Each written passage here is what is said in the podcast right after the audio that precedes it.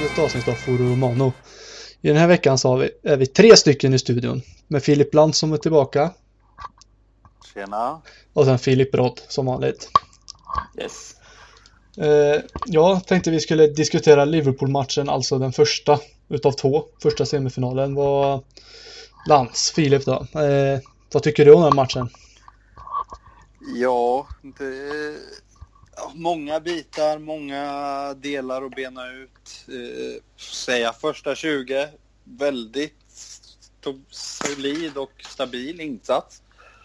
För att sen eh, tappa allting och helt plötsligt gå bort sig gång på gång och eh, gå ut med en 2-0-underläge eh, i halvlek för att sen komma ut och inte alls ha en ny idé och släppa in ytterligare tre för att sen avsluta sista tio bra. Det är väl en ganska kort sammanfattning från mitt håll. Jag kan väl säga att de, vi gjorde bra 30 minuter av 90 i stort sett. Ja, det kan man väl säga, men jag kan ju också tycka att det är ju en eh, coachmiss på den här nivån som inte ska finnas. På den, alltså, det ska inte finnas på den här toppnivån. Att gå bort sig så hårt är en taktisk miss. I min värld i alla fall. Mm. Och hur ser du på matchen om Brott?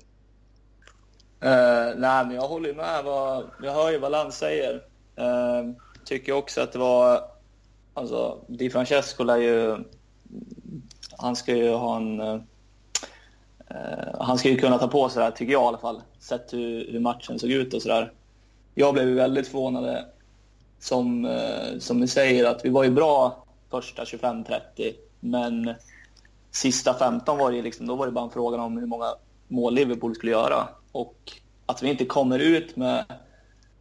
Alltså att det inte blir någon förändring när, när andra halvleken sätter igång, det förvånar ju mig väldigt mycket. Och det, när, när Liverpool ledde med 5-0, det kändes det som det kunde ha sprungit iväg till det dubbla nästan. Så att, ja, det var ju, det var ju 7-1-vibbar på det hela. Ja, jo, precis. Man fick ju de vibbarna från, från Old Trafford.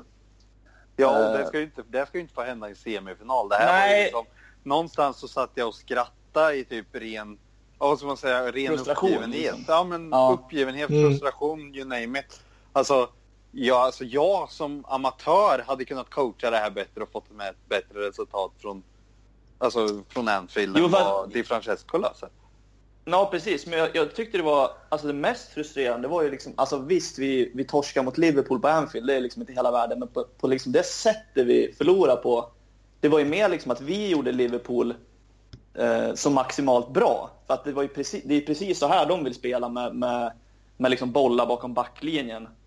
Eh, för jag tänker liksom Salah och Mané, när de får liksom köra 100 meters löpningar mot Fazio och Jesus, liksom, det står ju skrivet i sten att det, kommer rasa in mål.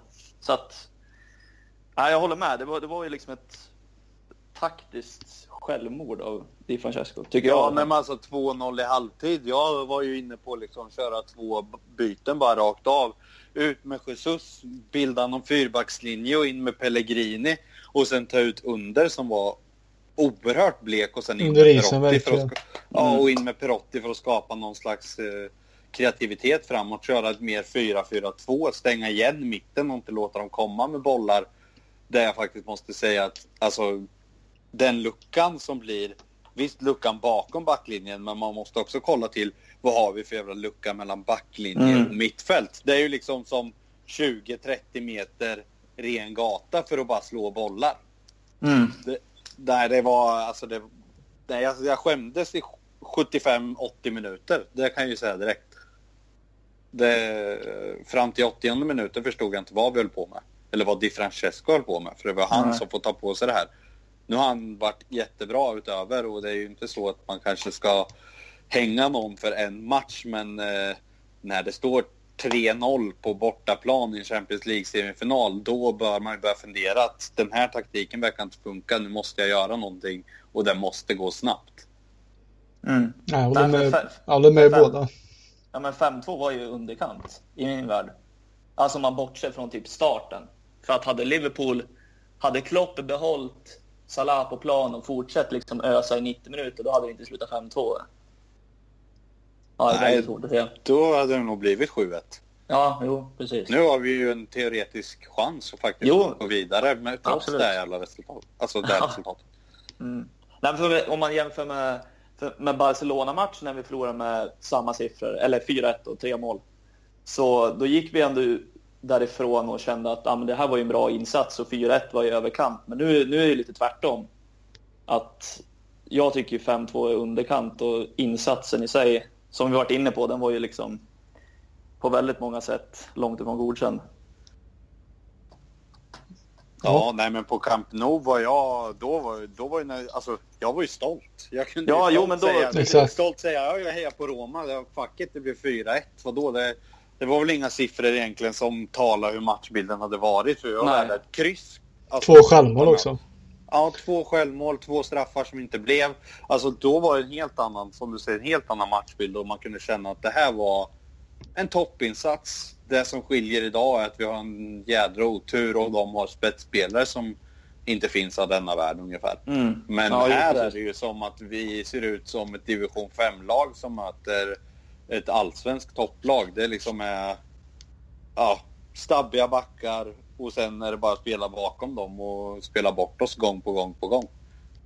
Jag håller med båda men det jag tänk, den största tanken sen är ju bara hur fan man kunde ställa upp med den backlinjen så högt upp. Eh, alltså jag vet att Christian Mm. Borrell var inne på att han vill, vill också, jag vill också innan matchen se en trebackslinje. Men alltså inte så högt upp, det går inte och speciellt inte när vi har Jesus som vänsterback mot Salah. Det är så, men jag tror majoriteten av långbollarna eller så här, över backlinjen kom emot hans kant och så har man varit med Mané. Men jag tyckte nog antalet kom lite mer på vår vänsterkant, deras högerkant då. Mm. Ja, Men, men sen att han, att han inte liksom ser och förändrar det under matchens gång. För innan Liverpool gör 1-0 så Mané har ju tre, fyra lägen och, alltså, att göra 1-0. Man kände ju då att det är bara en tidsfråga innan det kommer. exakt. Ja, alltså vi satt där och så, alltså, vi satt i soffan här och sa liksom när han hade bränt två att nästa sitter. Ja, Ja. det gjorde det ju också, men det var ju offside. Men nästa satt. Alltså man, det var ungefär som låta honom gå in ett par gånger och skjuta in sig så sitter nästa boll. Det, Ja. Men alltså den där trebackslinjen var ju också ett, det var ju självmord bara där. Alltså det hade varit bättre att spela med fembackslinje. Jag hade inte tyckt att det var ett tråkigt resultat att åka från Anfield med 1-0 Nej. i Nej. baken. Det var ju vi snackade om eh, inför, vi snackade om att ja, vi trodde ju på att det skulle bli ganska målsnålt. 1-0, 1-1, 2-1 och det blev det ju fan inte. Nej, men vi trodde att, att, att Roma skulle framförallt liksom stänga ner ytorna och, och gå för, ja men noll, som ni säger, 0-1, liksom, det är ett okej resultat att ta med sig. Men... Ja, han gjorde motsatsen. Riktigt, ja, riktigt så tänkte inte han. Nej men alltså det bästa hade ju varit, istället för att sätta sig i den här situationen, Liverpool är som sämst när de får styra en match, när de måste rulla igång, där man kapar ytor. Jag tycker, alltså jag satt och kollade bara för att nu brukar inte jag kolla engelsk fotboll, men nu eftersom att vi möter Liverpool igen så satt jag och kollade Liverpool Stoke. Alltså Stoke är tråkspelar. De ställer sig och, och drar ytor. Liverpool måste driva ett spel, måste försöka ta sig framåt. Hade vi gjort exakt likadant så hade det stått 0-0 med 20 kvar så hade vi kunnat kontra in ett mål. Och man hade haft ultimat guldläge att gå till Champions League-final. Nu får man jaga tre mål igen. Det ska till ett smärre mirakel för att vi ska lyckas med det här återigen. Mm. Nej men efter matchen då kände jag att jag behövde skriva av mig lite men då skrev jag ju lite om om det var en chansning av DJ eller dåraktighet. Jag tänkte mer på chansningen att han chansar med att ställa hög backlinje att eh, vi ska pressa ner Liverpool. Jag tyckte vi gjorde bra första 20 som sagt. Men eh, det var ingen stenhård press från oss men sen när Liverpool väl satte igång så som att det känns som att det var eh, inplanerat att de Ja, Klopp eh, nämner eller säger till att de börjar sätta fart. Och då såg ni vilka kontringslägen de fick. Mané till exempel. Eh, Jo men skillnaden är ju där är ju att eh, efter 20 minuter så ju Chamberlain som var totalt urkast sönder. Och in kommer Vinja- Wijnaldum eller hur och gör man? en toppmatch. Ja precis och spelar hur bra fotboll som helst och blir något slags mittfältsankare som levererar bollar. Och helt plötsligt så vänder hela spelet. Jag tycker ganska såklart att hade Chamberlain fortsatt så kanske de hade haft mer problem att ta sig igenom på mittfältet. Håller Men eh, liksom man måste ju göra någonting när man ser att nu börjar det hända någonting. Alltså speciellt när det kommer en halvlek. Man har Ja, en kvart exakt. på sig att göra någonting där inne. Ja, jag tänker att det känns väl som att det är en chansning att ställa sån hög, men sen när han ser fan vilka ytor det finns bakåt. Vad, vilka chanser de får ändå. Det var ju nästan tre frilägen innan 1-0 målet kom ändå. Eh, att han inte väl, vad ska man säga, kunde ändra på det att nu backar vi hemåt i stort sett. Det skulle, det skulle ju sett annorlunda ut om Kolarovs... missil, höll jag på att säga, hade gått in i mål då. Det var väl efter en kvart han sköt. Hans skott kom, tror jag. den är- så Ungefär, så ribban. hade den kommit in då hade vi nog backat hem. Då hade vi nog sett det där tråkiga spelet från vår sida och sen gå på kontring på Ja, på ett eko, Mm. tar emot och sen spelar vidare och sen alltså kontra men eh, ja. Och man, allt behöver inte vara så snyggt jämt. Det är det som Nej. jag stör mig lite på. Att liksom vi spelar nästan bort oss för att allt ska vara så jävla snyggt. Men ja, ja. Och det känns som allt det vi, vi spelar ju med en sån, upp, eh, sån uppställning mot Barcelona och det såg väldigt bra ut men allt det verkar vara som bortblåst mot Liverpool den här matchen att vi var inte riktigt där. Jag vet att eh, Di Francesco gick ut efteråt och sa att vi förlorade många man-man-dueller och sånt en mot en. Men och, men så ska man väl också komma ihåg skillnaden att vi spelar på hemmaplan med 70 000 i ryggen mot Barcelona och Barcelona har egentligen tre mål att gå på som de aldrig tror att de kommer att missa. När de väl har Exakt. kommit fel in i matchen och det 10 minuter kvar och de inser att det här kan faktiskt gå, gå oss ur händerna. Det är svårt att ställa om då. Här har du liksom ett alltså, taggat till tusen Liverpool som kommer ut och ja, alltså, de har inte varit så här långt på över tio år i Champions League. Det är klart att de kommer göra allt för att gå vidare. mm, Så det måste man också se någon skillnad på. ja, men innan den här säsongen, man ska säga inf- inför säsongen så trodde jag aldrig att vi skulle nå semifinal i Champions League. Så jag tycker det är väldigt stor eloge, eloge till hela laget. Mm. Faktiskt, eh, trodde ni på semifinal inför? Nej, det var nog ingen som trodde. Nej, alltså det är Det kan- klart Efter den är gruppen också. Nej, men det är väl klart att jag, alltså oavsett hur det går så kommer jag fortfarande vara stolt efter säsongen. Men just nu är jag mest bara liksom förbannad på att man spelar bort sig på det sättet man gör. Ja, Jag vi har ju fan mer att ge också. Jo, men jag hade, Mm. jag hade inte varit förbannad ifall, som vi säger, att vi hade åkt ifrån Anfield med 1-0 och sen slutar det 1-1 på hemmaplan och vi gör två riktigt bra insatser. Men Liverpool är laget som är bättre och går vidare för att de är värda det. Jag hade köpt det utan problem.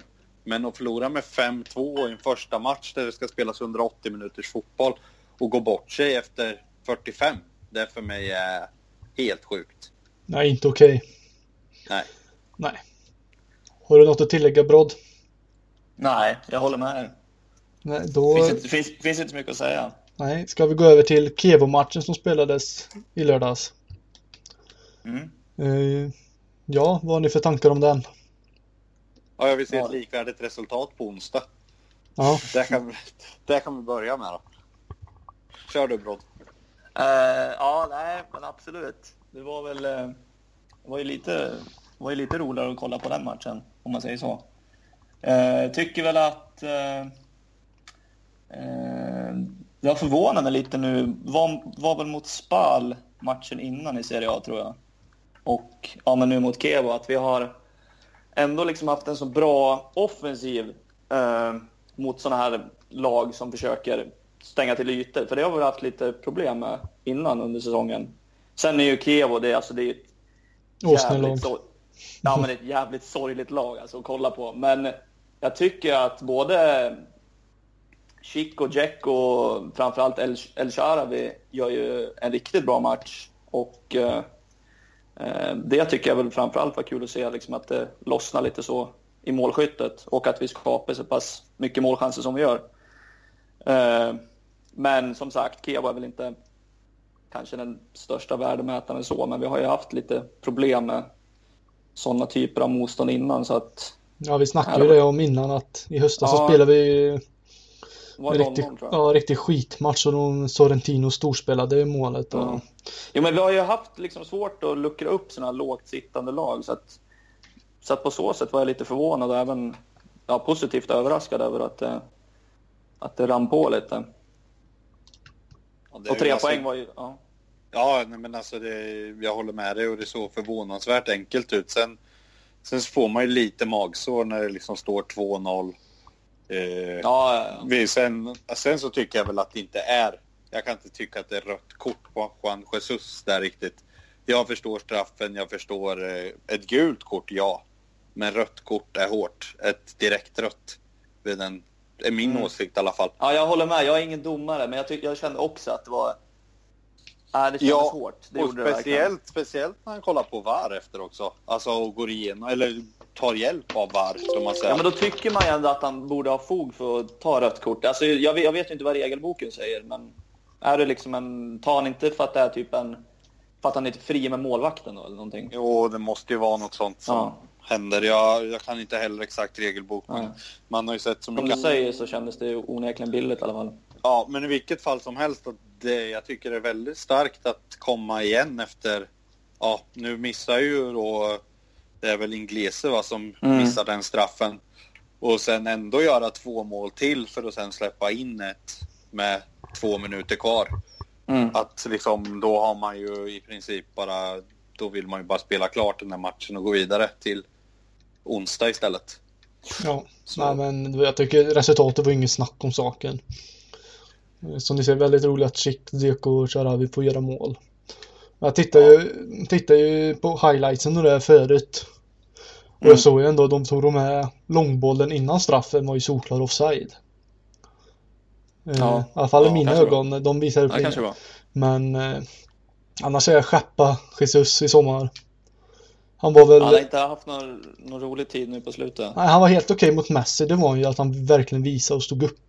Man kunde nästan fått rött kort i den matchen också när vi var, var det Ja, Suarez han tryckte till i ansiktet. Han skulle, han skulle ha rött kort i den matchen så... Mm. Nej men... eh, Han är, de han är för klumpig för sitt eget bästa. I alla fall, i alla Ja. fall på den här nivån. Jo, men med de pengarna som kommer in med, med tanke på hur långt vi har gått i Champions League. Den sista, alltså, sista pengen jag hörde ungefär var väl cirka en miljard som vi hade gjort hittills. Och då eh, känns det som att kunna hitta en vettig tredjeback för ja.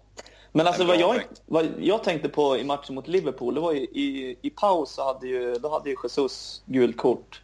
Och han hade ju inte haft någon bra period innan, precis innan pausen. Då tänkte jag på det, alltså, vad har vi att slänga in i och med att vi skeppar iväg Moreno i, i januari? Ska köra-. Capradossi Nej, vi ska- tror jag. Ja, men han, Ja, han, är inte ens inte- med, han är inte ens med i en Champions League-trupp. Nej, kanske inte. Alltså, junior. I en Champions League-trupp har vi ingenting. Den närmaste vi har i backväg är Bruno Perez. Eller Ja, De det är Rossi. Ja. Ja, men alltså om man Men kollar sätt- Jo, men alltså, det, back så. Jag satt och funderade på det, att, att vi inte, när vi har, kör med en trebackslinje, att vi inte har något alternativ. För att jag tyckte det var helt uppenbart att han skulle varit utbytt i paus. Men samtidigt... Det har ju varit bättre att gå ner på en fyrabackslinje i paus. Ja, jo. Fak- faktiskt. Eller sett Mm. De Rossi som vänster mittback mot Salah. Det hade varit kul att se. Ja, då hade vi Med en sån hög backlinje, ja. Ja. Nej. Nej, men, så, men vi ska väl alltså kolla vid Serie A-omgången som gick här så kan vi väl inte... Det kanske inte var så kul att Juventus tar ett steg mot ligatiteln, men eh, ganska skönt att inte få stryk, får man ändå säga då. Mm. Ja, såg ni matchen? som- Ja. Såg ni inte, eh, såg ni inte Juventus? Ja, jag såg andra halvlek. Ja, det är so- ja men det är såklart rött kort på Pjanic, men ja. Ja. Jo, men alltså om vi bortser från den matchen så tänker jag bara resultatmässigt så Ja. har vi ju faktiskt en eh, ganska lyckad helg för Roma ändå. På det sättet. Ja, alltså, nu ska ju en Champions League-plats vara alltså, mer eller mindre säkrad, tycker man ju. Det ska mycket till om vi ska missa det nu. Ja, alltså med tre omgångar kvar och ha fyra poäng ner till Inter. där Och de möter har- Lazio i sista Ja, omgången precis. också. Så vi har Cagliari, Juventus och Sassuolo kvar. Mm. Ja, alltså sex poäng av nio möjliga ska ju vara... Det ska det ju vara på de tre Mm. matcherna.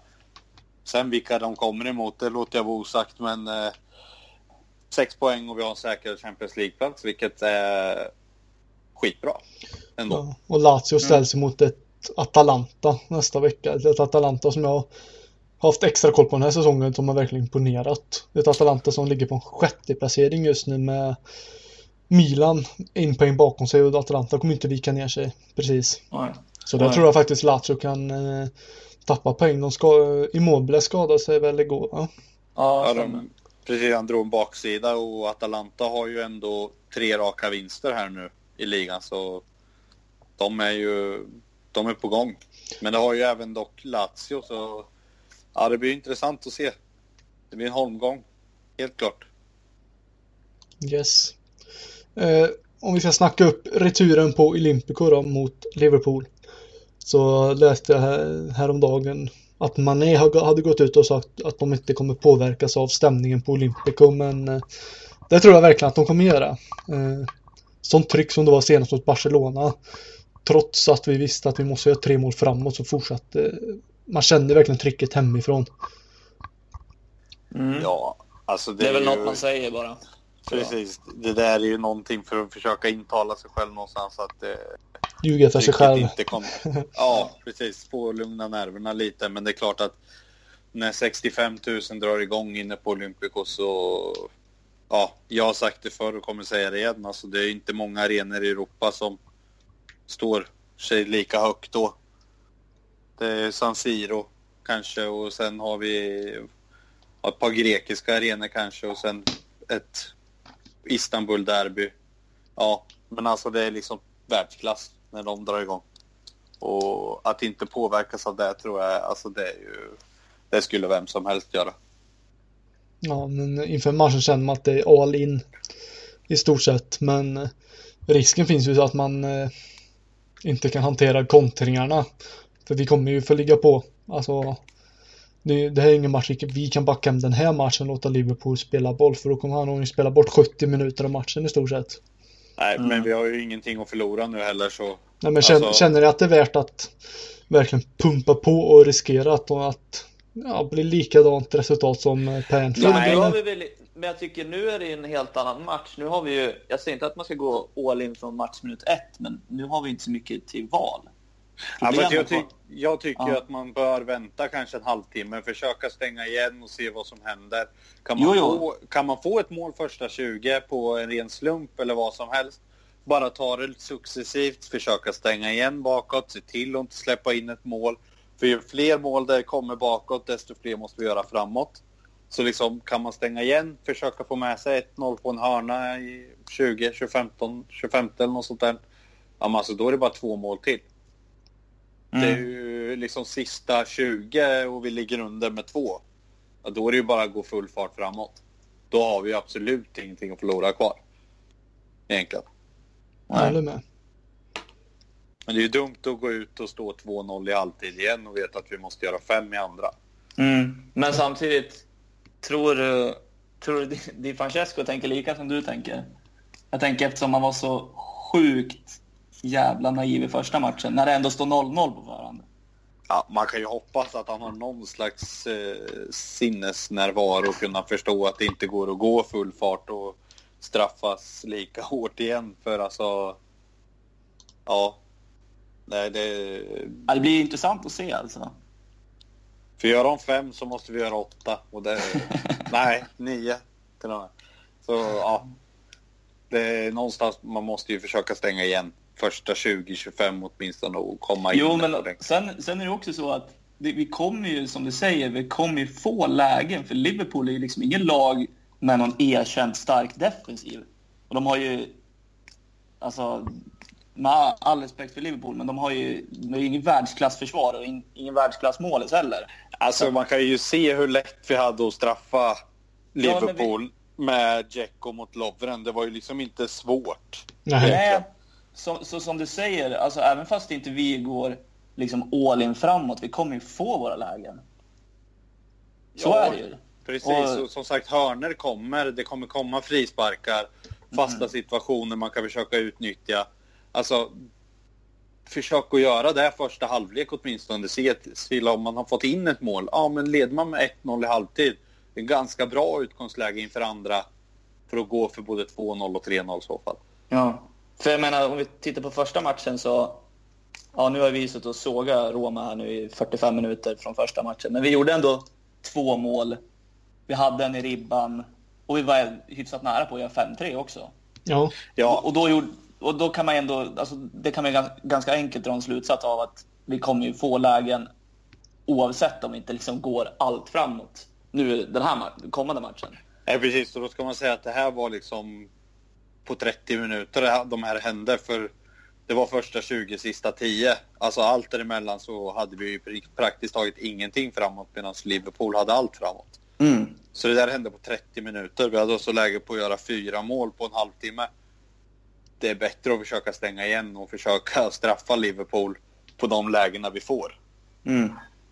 Faktiskt. Ja, jag får, håller vi, får vi in ett tidigt mål precis mot Barcelona Då syftar jag inte på att vi ska gå tokoffensivt men liksom som ni säger förvalta våra lägen och Gör vi ett mål tidigt så tror jag att Liverpool kommer Alltså backa hemåt säkra ännu mera Än 0-0 resultat Mm. Den har ju svårt att tro dock, för jag tror ju Klopp är ju erkänt för att vilja gå framåt oavsett vad. Därav tycker jag att man bör köra en fyrabackslinje som står lågt. Ha två defensiva mittfältare som står lågt, så man nästan försvarar med sex man. Försöka slå de längre bollarna på Dzeko och få med sig kanske då en Perotti, en Angolan, en, eh, ja vem ska vi spela? El Sharawi kanske? Han var ändå bra sist. Och liksom Mm. försöka anfalla med de fyra. För att kanske lyckas få in ett mål. Men att se till att säkra hemåt. Backa hem, stå lågt. Stå inte på mitt, mittplan med backarna liksom. Nej, det jag För- skulle kunna se det är att vi, hur vi ska hantera kontringarna. Det känns som jag, det känns som, jag tycker det känns som största hotet. Jo. Faktiskt, Ja, de är ju det- inte bra spelfördelande men Ja, men det är därför jag menar på att det är fan bättre att backa hem och försöka eh, slå kontringar på oss själva. Att vi kör kontringar. exakt. Det kanske inte är världens roligaste alltså spelstil, men eh, jag tror det kommer vara rätt effektivt. För Liverpool är erkänt dåliga inom situationstecken på att driva en match. Och oerhört, kanske ett av de bästa lagen i hela världen på att köra kontringsspel. Ja. Så varför ska vi bjuda in till att låta dem spela det spel de vill spela? Jo, men jag tänker mer på att är de spelfördelande så kan de ju spela om matchen mycket, mycket lättare. Och det gynnar ju inte oss för vi, det är ju vi som måste framåt så tänker jag. Men trots att de inte är så bra på att hålla i boll, alltså att de är bäst på att kontra säga, än att föra spelet så måste vi kunna straffa dem. Och eh, det tycker, tycker jag att vi tappade från första matchen att vi pressade mycket bättre de första 20 halvtimmen men sen tappade vi det pressspelet en del så att de fick slå de här långbollarna mot ja, anfall, deras anfallare. Men ja, Ja. det är Ja, men jag skulle i alla fall kunna se en 4-3-3 eller 4-2-3-1 uppställning. Eh, jag ser inte hur en trebacks vad ska jag säga, ja, en trebackslinje eller fembackslinje skulle kunna gynna oss nu när vi såg hur dåligt det gick i första mötet med att Jesus fick fick spela vänster mittback och hade Salah mot sig och ja han hade ingen Jesus bra dag på jobbet. sitta på bänken nu. Han. Ja, Det blir ingen mer speltid för honom. Jag tror att det inte är resten av säsongen. Nej. Och då blir det ju då blir det ju en 4-3-3 som du säger. Med Manolas och Fazio i mitten. Ja, Ja, Lär det bli. det är ju, vi har ju ganska bra avsaknad av en ordentlig högerback också tyvärr. Ja, Om man ska vara ärlig. Alltså ja, Florenzi är jättebra offensivt men man ser också bristerna i hans defensiva spel i de större matcherna gentemot vad man gör i Serie A då kanske. Men eh, Europaspelet tycker jag verkligen att det lyser igenom att han är inte riktigt den försvarsklippan vi hade behövt. Jag vet inte, nu har man ju knappt sett Karstorp spela men eh, det kanske, han kanske är skitbra. ja Jag men då tänker man jämför man Florenzi med Perez, vem väljer man? Jo, men självklart välja Florencia. Ja, alla dagar. Jo, exakt. Eh, Men det känns väl ganska som, alltså från backlinjen och mittfältet är ju solklart. Kolarov, Fazio, Manolas, Florenzi, De Rossi, Stråtman, Ninja, Dzeko. Men frågan är om Perotti och Sharawi kommer få starta eller om det blir eh, Perotti Det under. Ja, men inte Schick då. Jag tyckte han var, han var ju riktigt bra. Och det är ju Visst, också, ja. då, kommer, då måste ju För Schick spelar ju på, på kanten nu mot Kievo. Jo, men då frågar man vem utav Perotti Ja. eller Sharawi spelar på vänsterkanten. Ja, då väljer man väl Perotti för, om han är helt framför Sharawi. Det kan jag inte tänka mig någonting annat. Han är mer bolltrygg. Han kör aldrig Ja. tapp, tappar bollen lite för lätt och kan slarva. hade håller ju bollen riktigt bra. Jag hade ju gärna sett en 4-3-1-2 uppställning i så fall med Perotti som eh, Släppande. en, eh, ja, Mm. precis, släpande Mm. bakom. Ja, det har snackat upp tidigare i podden eller och så. Att det har varit väldigt intressant att se honom i den. Han har ju bra skott, det har han. Kanske inte världens bästa, men han har ju bra skott. Då skulle han vara släpande. Med hans teknik och sen instick och sånt. Så. Har lite friare roll och kunna röra sig lite som man vill med tanke på hans... Eh, han kan ju komma runt och skjuta effektivt. Det är han Mm. ju er, erkänt duktig på. Han Ja. ja, om ni nu skulle tippa resulta- resultatet i matchen så vad tror ni för resultat? Ja, börjar du Lans? Ska jag börja? Ja. Eh, ja, nej, jag, jag visar vägen. Eh, jag, ska fan, jag ska vara riktigt tråkig alltså. Jag, jag tror på 3-1. Vi snubblar på målsnöret. 3-0 i 85 och sen kommer ett där idiotmål. Ja, jag, jag, jag är tråkig också. Jag säger 3-2. Jag säger 3-0.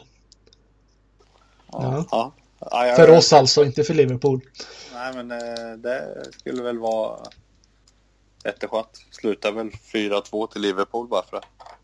Men ja, Nej, de kommer bli målsnål, kommer bli 0-0 ska ni se nu. Jämfört med förra veckans, eller förra avsnittets tippning så. Ja, Ja, det var, det var en riktig jinx det. ja. Eh, Ja. Men eh, går vi över till eh, Ja, något jag, jag vill diskutera det är Allison. Alltså han, kom, han kommer bli världens dyraste målvakt genom tiderna. Mm. Ja, jag, ser, jag, ser, jag ser inte att han eh, inte kommer bli, om jag ska säga. Det Ja, känns, det är väl Oblak i så fall i Atletico Madrid. Tycker du han är bättre? Han är- Nej, men jag tänker, jag tänker så här dyr. Jag sa inte att han var bättre, men jag tänker Nej. du sa dyraste målvakt. Då, får man ju väga in ålder och sådär. Han är väl inte heller så jävla gammal. Eller? Nej. Men absolut, han, han har väl kapacitet att bli det. Han är en av världens bästa målvakter just nu. Jag, tror jag nog. jag skulle säga, vill man ha den bästa målvakten i världen då ska man köpa Allison. Ja, jo, Troligtvis, men det men han har det är nog potentialen alltså gå Ja. till en ännu större klubb och sen alltså Ja, vara var bland världens bästa och jag tycker faktiskt han är världens bästa just nu. ja alltså jag håller med dig men eh, jag förstår också vad Brodd säger för att Beck, eller eh, Oblak har ju varit på högsta nivå nu i två, tre år. Alltså Allison har ju kommit i år egentligen och blommat igenom. Han har ju fortfarande varit Mm. landslagsmålvakt innan men det är ju kanske nu den breda massan har fått upp ansiktet för honom. Oblak är ju född 93 då för att slänga in det och Allison är född 92 så det är klart alltså det är ju samma ålder på dem också Mm. i princip. Eh, jag tror ju båda kommer ju bli miljardmålvakter för om, någon, om nu både Atletico och Roma släpper dem. För eh, alltså ska Roma satsa på att bli den storklubb man vill bli och som nu Palotta börjat prata om att man ska bli en ny maktfaktor ute i Europa. Då, eh, då är det inte läge att släppa Alisson. Nej, nej, Då är det inte under miljarden. Nej, det är inte ens Nej, läge inte att vid- släppa. Nej, inte överhuvudtaget. Nej, Alltså, precis. det var ju lite som Monchi sa, jag har ingen idé att snacka summor för han är inte till salu. Det är bara att lägga fram de summorna han vill ha i lön och signa upp för fem nya år utan utköpsklausul. Punkt. Ja, det är med för jag ser det. Skulle vi sälja honom, vi säger för en miljard. Eller 1,2 vad som helst. Så vem fan ska vi värva? Men det Ja, men det, finns spe, ju... det spelar ingen roll. Alltså, Per, Perin ryktas ju bort.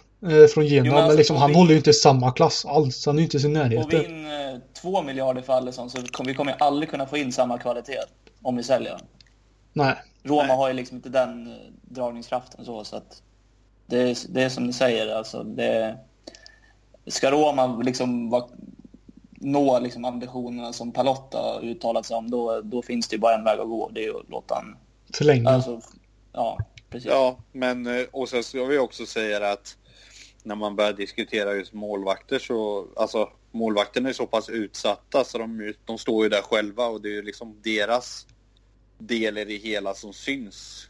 Alltså i slutet av dagen. Har du en backlinje så kan alltid din mittbackskollega rädda upp dig och du kan ha någon som är lite sämre än den du hade innan. För det kommer Mm. troligtvis inte märkas för den bredvid dig är så pass bra så han gör dig bättre. Här har du det själv. Du har bara dig själv längst bak i mål. Jag säger det igen. Lägg, lägg där Alisson vill ha och signa upp honom på minst fem nya år. Mm. Det, det jag Eh. gillar mycket med honom det är att han har inte varit ute. Han eller hans agent har inte varit ute i media och svingat om något. Ge mig ett nytt avtal eller någonting eller att han vill lämna. Det det enda jag hörde var förra året när han diskuterade att han aldrig fick stå så hade han bara ett ultimatum till den här sommaren och det var att han ville ha speltid annars skulle han lämna. ja, Men och det tycker jag var han, solklart val också. Att, att eh, Ja. Szczesny fick dra och sen att han fick Ja, han fick startplatsen med Skorupski bakom sig då. Ja, och det, nej men alltså jag... Det är nog den, pers, alltså den, alltså spelare i Roma jag ser absolut svårast att kunna ersätta överhuvudtaget och även den som skulle såra oss absolut mest ifall han lämnar i sommar. Jo, Mm. men det ser man säga, vem ska ersätta? Då syftar jag inte på att eller just nu syftar jag inte på om vi ska få in en likvärdig bra målvakt, men jag menar ändå, vem ska vi ta in Perin till exempel? Han har ju haft sina, enligt mig, sina, sin bästa period redan. Han har ju skadat knät två gånger om jag minns rätt. Och kommit tillbaka till en bra nivå, men han håller ju inte Roma-klass. Nej, alltså det finns... eh, Det är Donnarumma i så fall kanske, men nej. Han är inte ens möjlig om man ska diskutera liksom... Alltså, Då får vi pröjsa lika värde. mycket som vi säljer Alisson för också. ja precis. Jo, så ja, jag ser inte ens jag ser inte vem vi ska ersätta honom med ens för att ja, han är osäljbar. Ja, men ovärderlig har ju just nu. sagt det och för en gångs skull kanske man kan faktiskt hålla det man säger också nere i dem. Även om man varit duktiga på att sälja spelare innan som har varit som då kanske ja nu tappar jag namnet på honom här. Det var ju Rudiger, bra. Nej, förra sportchefen i Roma. Sabatini. Ja, Sabatini, tack. Jag tappade namnet. Sabatini så- sa ju flera gånger att nej, men han ska vi inte sälja och han ska vi inte sälja och så kom det ändå försäljning sen sommaren väl kom. Men Monchi har ju uttryckligen bara uttryckt om en spelare att han är inte ens till salu så det finns ingen summa och det är ju Alisson. Så, och nu kan jag inte tänka mig att vi behöver pengar för att nå financial fair play. Nej, då har vi i stort sett gått ut och sagt att vi behöver inte sälja någon i sommar nu.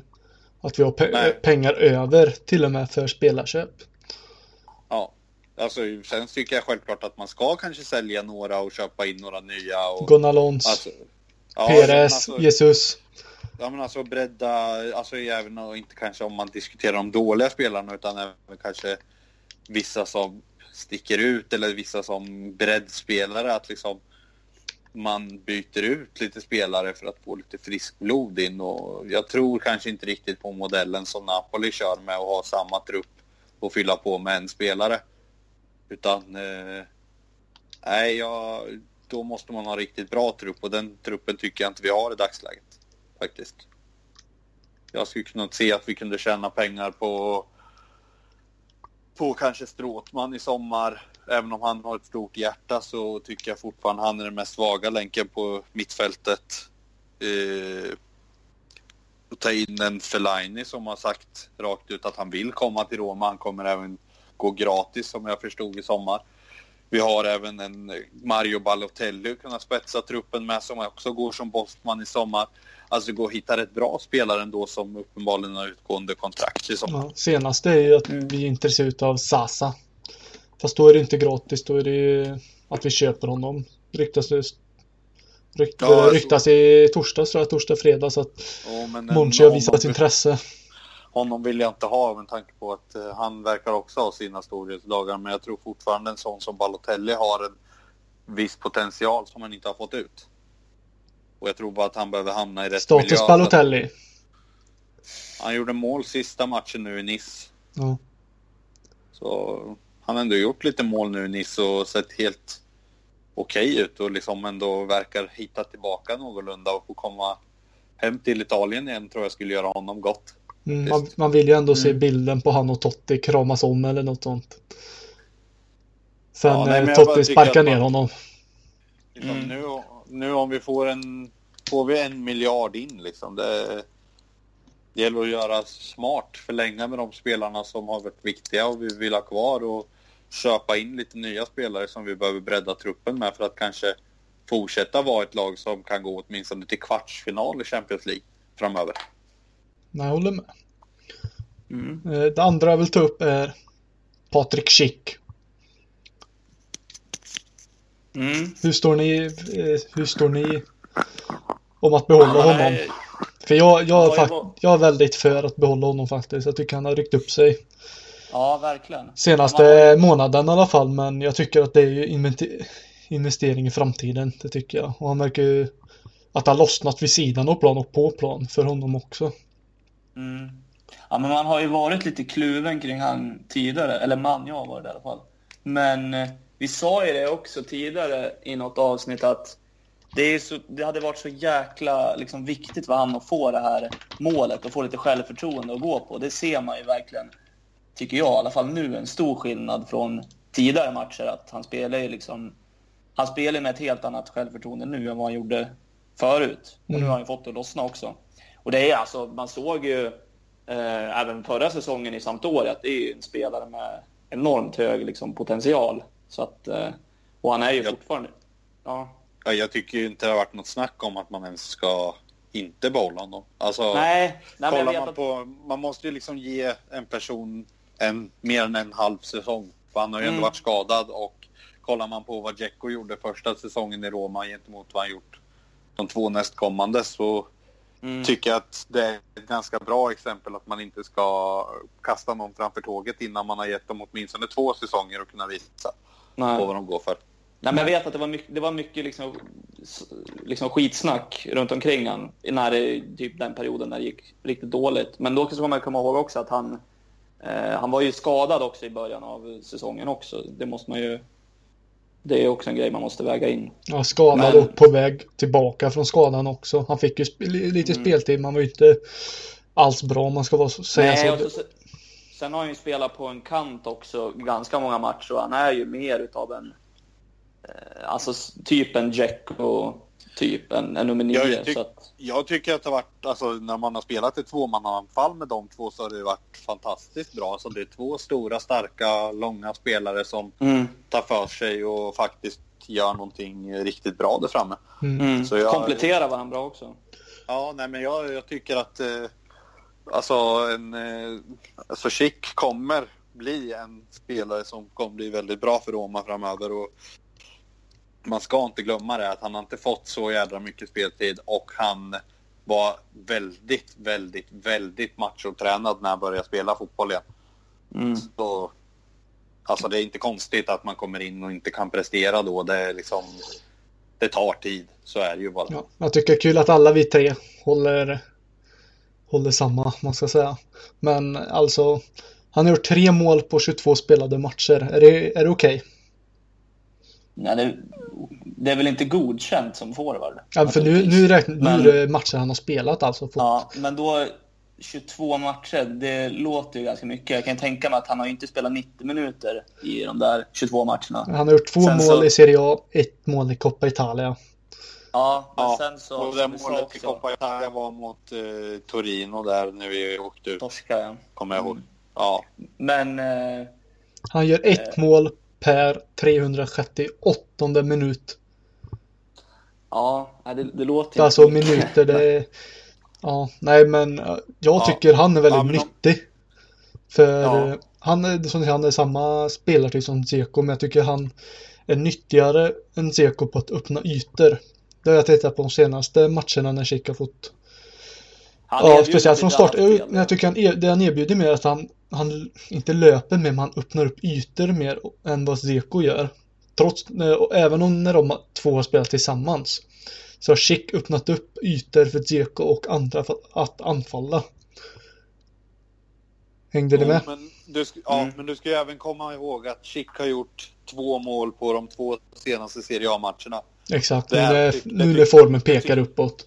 Ja, alltså det är ju det jag menar att jag, som både som Brodd säger här innan, det är ju inte 90 minuter i de 20 plus matcherna han har spelat här utan det är ju kanske tre minuter här, fem minuter där i många av de här matcherna i början. Alltså av de matcherna han börjar spela. Mm. Och sen, och sen ska han försöka hitta en matchform på det.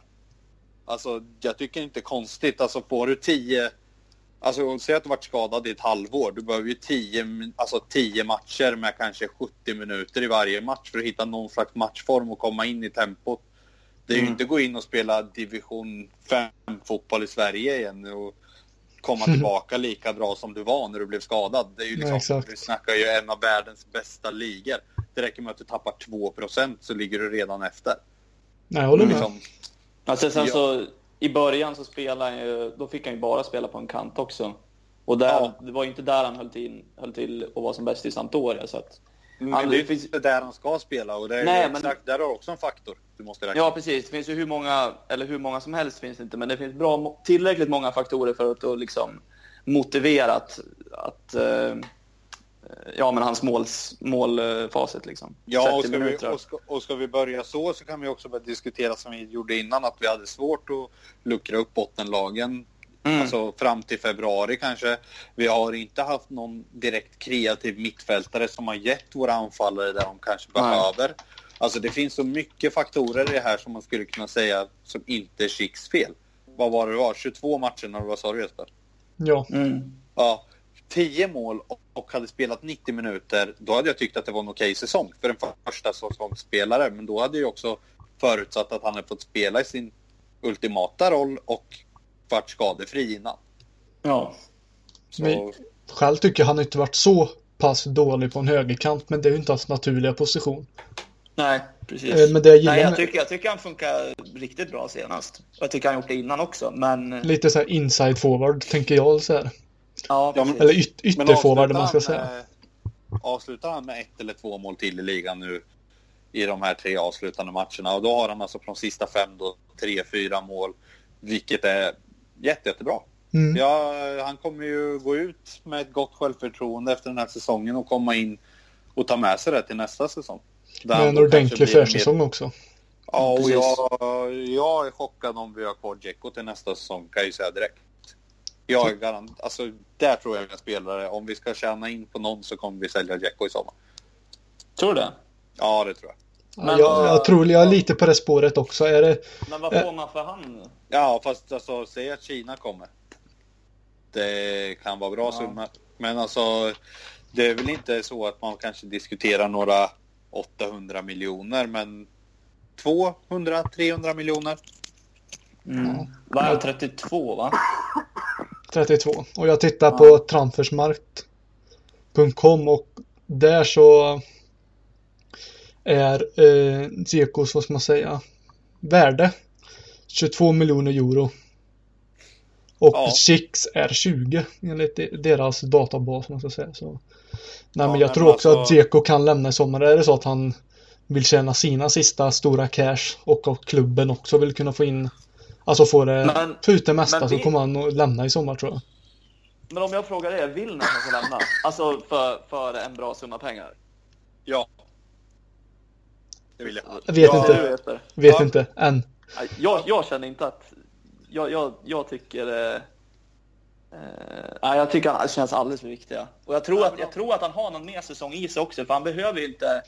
Han, behöver, han har ju liksom... Han har inte den här speeden, men han är ju stark in i boxen. Jag tror liksom inte han kommer bli... Jag tror inte han kommer vara något sämre på det. Ja, om man kollar... Nej, men om, om, du vill så, om du vill så kan jag utveckla det. Lite. Ja, jo, ja, gärna. ja, ja, ja. Jag anser att eh, Patrik Schick ska få en... Eh, vi köpte honom som den mest dyra anfallaren som vi någonsin har gjort. Eller våra Mm. dyraste köp någonsin rättare sagt i klubben. Då tycker jag Ja. också man ska ge honom en... Alltså, man har ungefär som med Allison en säsong där man får stå lite bakom, man får stå lite bredvid, se på, se och lära. Kan man då plocka in en Mario Balotelli som på fri transfer och istället satsa med Schick som första forward och ha Mario Balotelli som andra forward så tycker jag att det är ett optimalt läge att göra sig av med Dzeko då jag tycker han börjar bli till åren. Han har varit fantastiskt bra den här säsongen och förra säsongen. Det säger jag absolut ingenting om. Men det känns som att vi har fått ut det vi skulle få ut av Dzeko. Han skulle få oss att komma upp och bli en stor klubb igen. Och han skulle vara den värvningen som skulle lyfta oss. Och jag tycker han har gjort det. Jag anser att även för hans skull, lämna nu och ta inte en säsong där du kanske tappar allt det här. Mm. Köper du det Ja, Brodd? Ja, jag hör vad han säger, men jag är... eh, Går ut genom andra örat? Nej. Nej, men... eh, Jo, men visst får vi in någon bra spelare i, istället så, så absolut, men... eh, Ja, men det förutsätter alltså jag, ju att vi värvar någonting mer. Vi, alltså, jag säger Jo, inte jo, att vi ska precis. göra oss av med Dzeko och sen låta truppen vara. Vi måste ju Nej, självklart precis. förnya på med en ny anfallare, men jag kan tycka att vi har fått ut det vi skulle få ut av Dzeko. Mm. Och säsongen är inte slut än. Det självklart skulle det ultimata vara att han fick kröna Champions League-guld och sen fick vi gå Ja. vidare, skilda vägar. Ja, men jag är inne på också, i och med att vi har fått de här, liksom, den här summa pengar och vi inte är i samma behov av att sälja spelare så tycker jag liksom det känns som han är alldeles för viktig i, alltså, i Roma idag. För kollar man på, eh, ja men tittar man på ja, men bara den här säsongen, om inte Dzeko hade spelat i Roma, liksom var, vart hade den här säsongen tagit vägen då? Tänker jag. Och jag är inte säker på att liksom, ja, men som en värvning av Balotelli, att det att det ska liksom lösa att det ska lösas över en säsong och att Chic kommer bli liksom en världsspelare nästa säsong. Det är jag inte helt, det är jag inte helt övertygad om. Men Nej, alltså, jag, jag, förstår, förstår din oro. Ja. Eh, Men någonstans måste man ju också våga börja lita på dem man har bakom. mm, Alltså, nu tyck, jag tycker personligen att vi är alldeles för beroende av Dzeko. Jag ty, självklart tycker jag att han är en fantastisk spelare, men jag tycker inte om att vara så beroende av en spelare. nej, det, det tycker inte jag heller. Det, är- det, är- det är frustrerande faktiskt. Men Det, det är ungefär lite Lazio-syndromet som de har nu med Chiro Immobile. Och Ja. har haft hela säsongen. Nu ska de vara Mm. glada att han gick sönder nu och inte om, eller för två månader sedan. mm. För då hade det Ja, varit tänk- platt fall. Mm. tänk dig om Fan. Dzeko hade gått sönder i oktober den här säsongen. Liksom.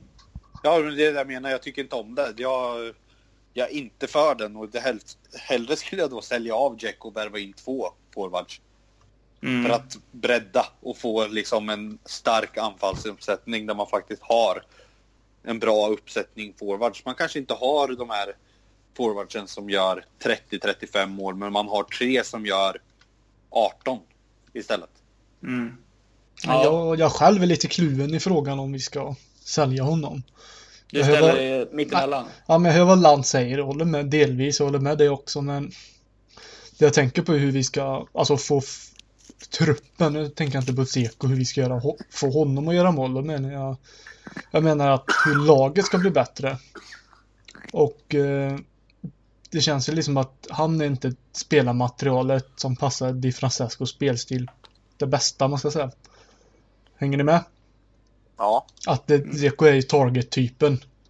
Och så nu har, har tittat upp lite när Di Francesco spelat i Sassuolo då, eller varit tr- tränare för dem. Mm. Alltså han har inte haft en riktigt target forward. Han har haft rörliga anfallare som, som Berardi som är där fortfarande. Sansone, Sasa kan vi säga var lite targetaktig men Mm. Och då Men jag tycker, det- det... fungerar, jag tycker det fungerar, alltså just den biten tycker jag fungerar ganska bra med två på, på kanten. När han kör 4-3-3 och vi har två kantspelare som har mycket speed liksom och så har vi en stark eh, ja, men boxspelare i, i straffområdet. Ja men det, Det, det som kan bli är att det blir lite statiskt och att vi inte hittar vägar igenom när vi inte Nej, lyckas Spec- komma runt på, eller på kanterna. Nej, så blir det ju spe, speciellt med tanke på att vi har, eh, som vi har pratat om tidigare, att mittfältet är ju... Det känns ju verkligen som vi saknar kreativitet på, på mittfältet. Ja, Det har, vi, det har det gjort ända sedan, sedan Pjanic lämnade. Ja, nej men det håller jag helt och hållet med om. Det, det är liksom en priovärvning men jag tänker att det hade ju liksom kanske varit bättre att kanske ha Chic som den spelaren som Dzeko är idag. Stor, stark target player och sen kanske få in två stycken anfallare som de behöver ju inte vara 1,60 långa men lite mindre rörliga speed-anfallare tänker jag. mm, Och liksom. Kanske då kan skola om under som ren och skär anfallare istället för att köra honom på en kant. Till exempel. Och jag är lite inne på det spåret också att om Seko lämnar då känns det som att Schick ska vara nummer ett på det centrala. Man kan ju som sagt även spela högeranfallare eller högerytter. Han är ju vänsterfotad Schick också men ja, för Defrell-värvningen var ju inget vidare att ha. Nej. Jag, jo, men jag Nej. tänker så att på Det är faktiskt en spelare jag inte ens behöver ge mer än ett år. Det känns som att det kan vara bra att göra sig av med en sån spelare. Jo, för jag känner han, alltså på vår vänsterkant har vi Pirotti och Sharawi, Sharawi som kan, alltså är bra. Eh, jag ser inte att, no, det känns som att det är de två som turas om att få spela i stort sett. Om den andra är skadad eller i dålig form. Högerkanten så är det ändå Ynder och Schick känns det som. Att de turas om på Mm. högerkanten lite. eh, Ja, och Shara- jag tycker, Sharawi kan jag, ju- Ja.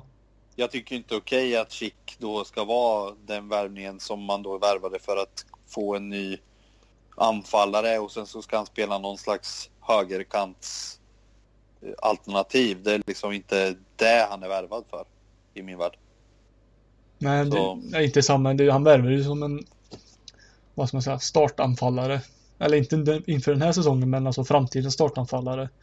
Jag tycker han har gjort det Ja. bra på högerkanten men då har jag sagt då är det Ynder som straffas höll jag på att säga om nu Schick ska få speltid nu när han varit så bra men Ynder tycker också är riktigt bra. Han hade ju inte någon bra dag mot Liverpool. Startade han va? Mm. Ja, nej, men kanske, var ju- man, ja. man kanske inte ska sätta för stort hopp till under än så länge utan man kanske ska faktiskt ge honom den tid han behöver. Han är ju, vad är han, 19-20? En 20 Alltså, liksom- men ja. Ja, alltså liksom, han är fortfarande tid att bli en världsklasspelare och liksom det där menar jag, det, någon gång måste man också våga satsa på de yngre. Man kan inte liksom bara hela tiden låta dem stå och spela 10 minuter åt gången för då kommer de aldrig bli de där världsspelarna ändå. Utan man måste också våga ta det där klivet och kliva ut sin comfort zone och då kanske sälja en av de bättre spelarna för att låta de yngre få chansen. Nej, jag håller med. Men eh, tänkte om, om ni får välja en just nu då. Värvning ni vill se ska hamna hos oss i sommar. Mm. Alltså då menar jag inte Messi eller någon sån men någon vilken eh, skulle ni helst vilja se att vi behöver just nu i sommar. Jag har ingen spelare så, utan jag säger som Brodd innan, en kreativ mittfältare. Sen eh, Mm. så struntar jag lite vem det är faktiskt. Torreira kanske, Sampdoria. Ja det, det är en spelare jag också snackat upp mycket om alltså. Han skulle nog göra susen hos oss. Men jag håller med, jag håller med Lans också. Jag har ingen så spelare på rak arm. Men en, en kreativ innermittfältare med, med en bra doja. Det, Ja. det, det vill vi ha. Ja, jag säger en Pastore-typ, kanske till och med Pastore själv. Han är välkommen Mm. Mm. Det låter bra. faktiskt. Ja, det låter bra. Har ni Ja. något mer ni vill diskutera eller ska vi avrunda? Vi avrundar, jag packar vidare och drar till Rom och ska försöka sälja min kropp och själ för att försöka få tag i en biljett tänkte jag. Ja, Ja, lycka till med det. ja lycka till. Ja, tack. Ja, tack. Nej, men Då hörs vi av när jag kommer hem igen. Ja, det gör vi. det gör vi. Och tacka för pratstunden. Mm. Ja, tack tack själv. Yes. Ha det bra. Ciao. Samma. Hej.